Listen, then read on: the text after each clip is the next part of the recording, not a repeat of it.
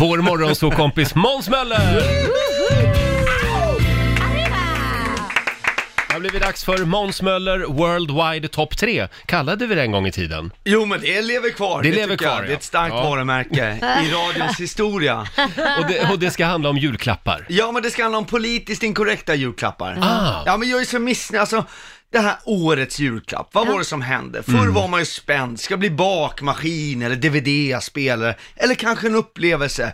Och så, nu har PK-maffian förstört allting. Det började förra året med att årets julklapp var ett återvunnet klädesplagg. Det var ju deppigt, tycker jag. Jaha. Ja. Nej, det var väl bra. Ja, så kan man ju tycka. Ja, men det var, det var bra, men det var inte så kul tyckte jag. Nej. Alltså, och i år blev det ännu mer politiskt korrekt, en mobillåda. Ja. Alltså en trälåda hopsnickrad av pakistanska barnarbetare utan fackliga avtal för att vi ska lägga undan mobilen. Herregud alltså. Nej, men det, Det, är där de tillverkas. Ja, men det, det finns väl andra saker med julen som man vill lägga i en låda, typ vegetariskt julbord. Jag vill inte ha julskinka och tofu som jag fick förra året. Nej, det är du Ja, emot. Ja, det är jag emot. Och framförallt alla bekanta som sjunger i kör som ska bjuda in till sina julkonserter. Är inte det fruktansvärt? Jag vill inte gå på Västerhaninge kammarkörs julkonsert. Alltså det, nej men låt mig slippa dessa käcka människor, fu- alltså fulla med tondöva medlemmar som sjunger sämre än Gunilla Perssons Nej, dotter men- Erika. Alltså det är... Det, det, nej, det är fruktansvärt. Bygg en låda åt dem där de får stå och sjunga istället. Säg att det är årets julklapp.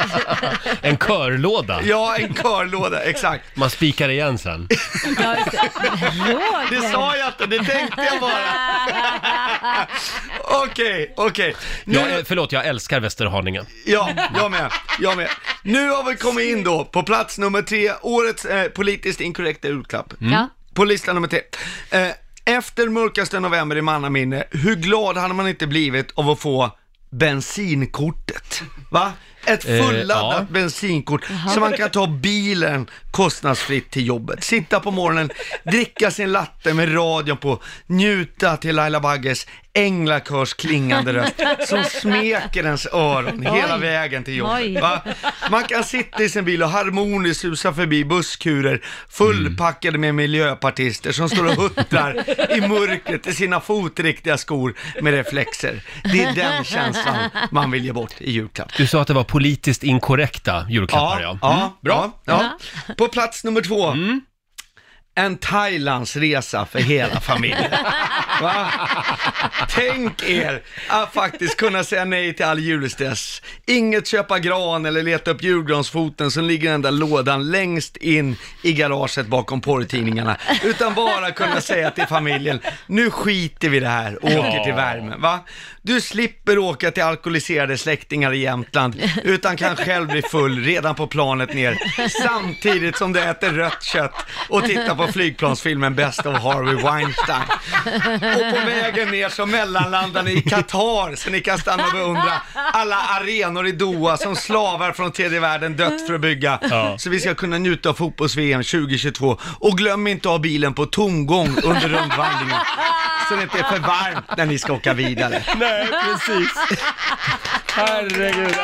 Det var plats nummer två. Ja, väldigt bra lista idag måste jag säga. Ja, politiskt inkorrekt, men det kan ju vara lite roligt. Ja, det handlar om julklappar, politiskt inkorrekta julklappar och vi har en plats kvar. Vi har plats nummer ett kvar. För kära vänner, julen handlar ju ändå om barnen, eller hur? Ja, Ja, det är barnens högtid. Och nu sitter vi och sänder från Södermalm. Och jag läste i lokaltidningen att det är återigen brist på dagisplatser. oj då.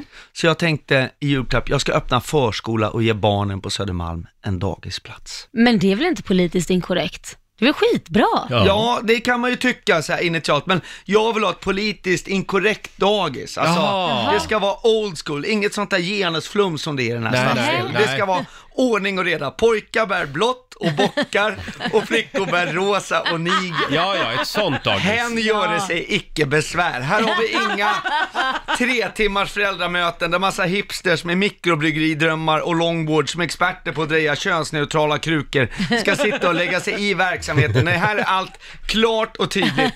Verksamheten ägs av mig och några riskkapitalister. Och då bolaget kommer vara registrerat i ett skatteparadis, för vi vill tjäna så mycket som möjligt utan att en enda krona ska gå till några andra barn i välfärden. Så ska alla utflykter på dagiset betalas av familjerna själva. Ska vi till Kolmården, då ska det inte vara något massa tjafs, ni vet så här. Ja, vi tycker det är för dyrt, kan vi inte finansiera resor med att alla barn ska sälja Ravelli-kalsonger och salamikorvar och tubsocker? Nej! Förlåt, Ravelli-kalsonger alltså. Ja. Ja, Det var men på det är sådana som föreningar tvingas sälja. Ja, just det. Ja, nej, varför ska de rika barnens föräldrar lida för att de fattiga barnens föräldrar inte orkar gå på universitetet och få en bra lön? Oh. Va? Och Lucia-tåget ska vara den 13 december, inget annat jävla tjafs. Och Lucia ska vara dagisets snyggaste framröstade tjej. Just like the good old days. Har man problem att sjunga rent, ja då har man problem att få vara med i mitt Lucia-tåg. Och de fula barnen får vara pepparkaksgubbar, det är sen gammalt. God jul! En liten applåd för det tycker jag. Du har vaknat på fel sida idag. Ja, men jag blev så trött på alla 50-talet mobilådor. ringde och undrade om du ville komma hem igen.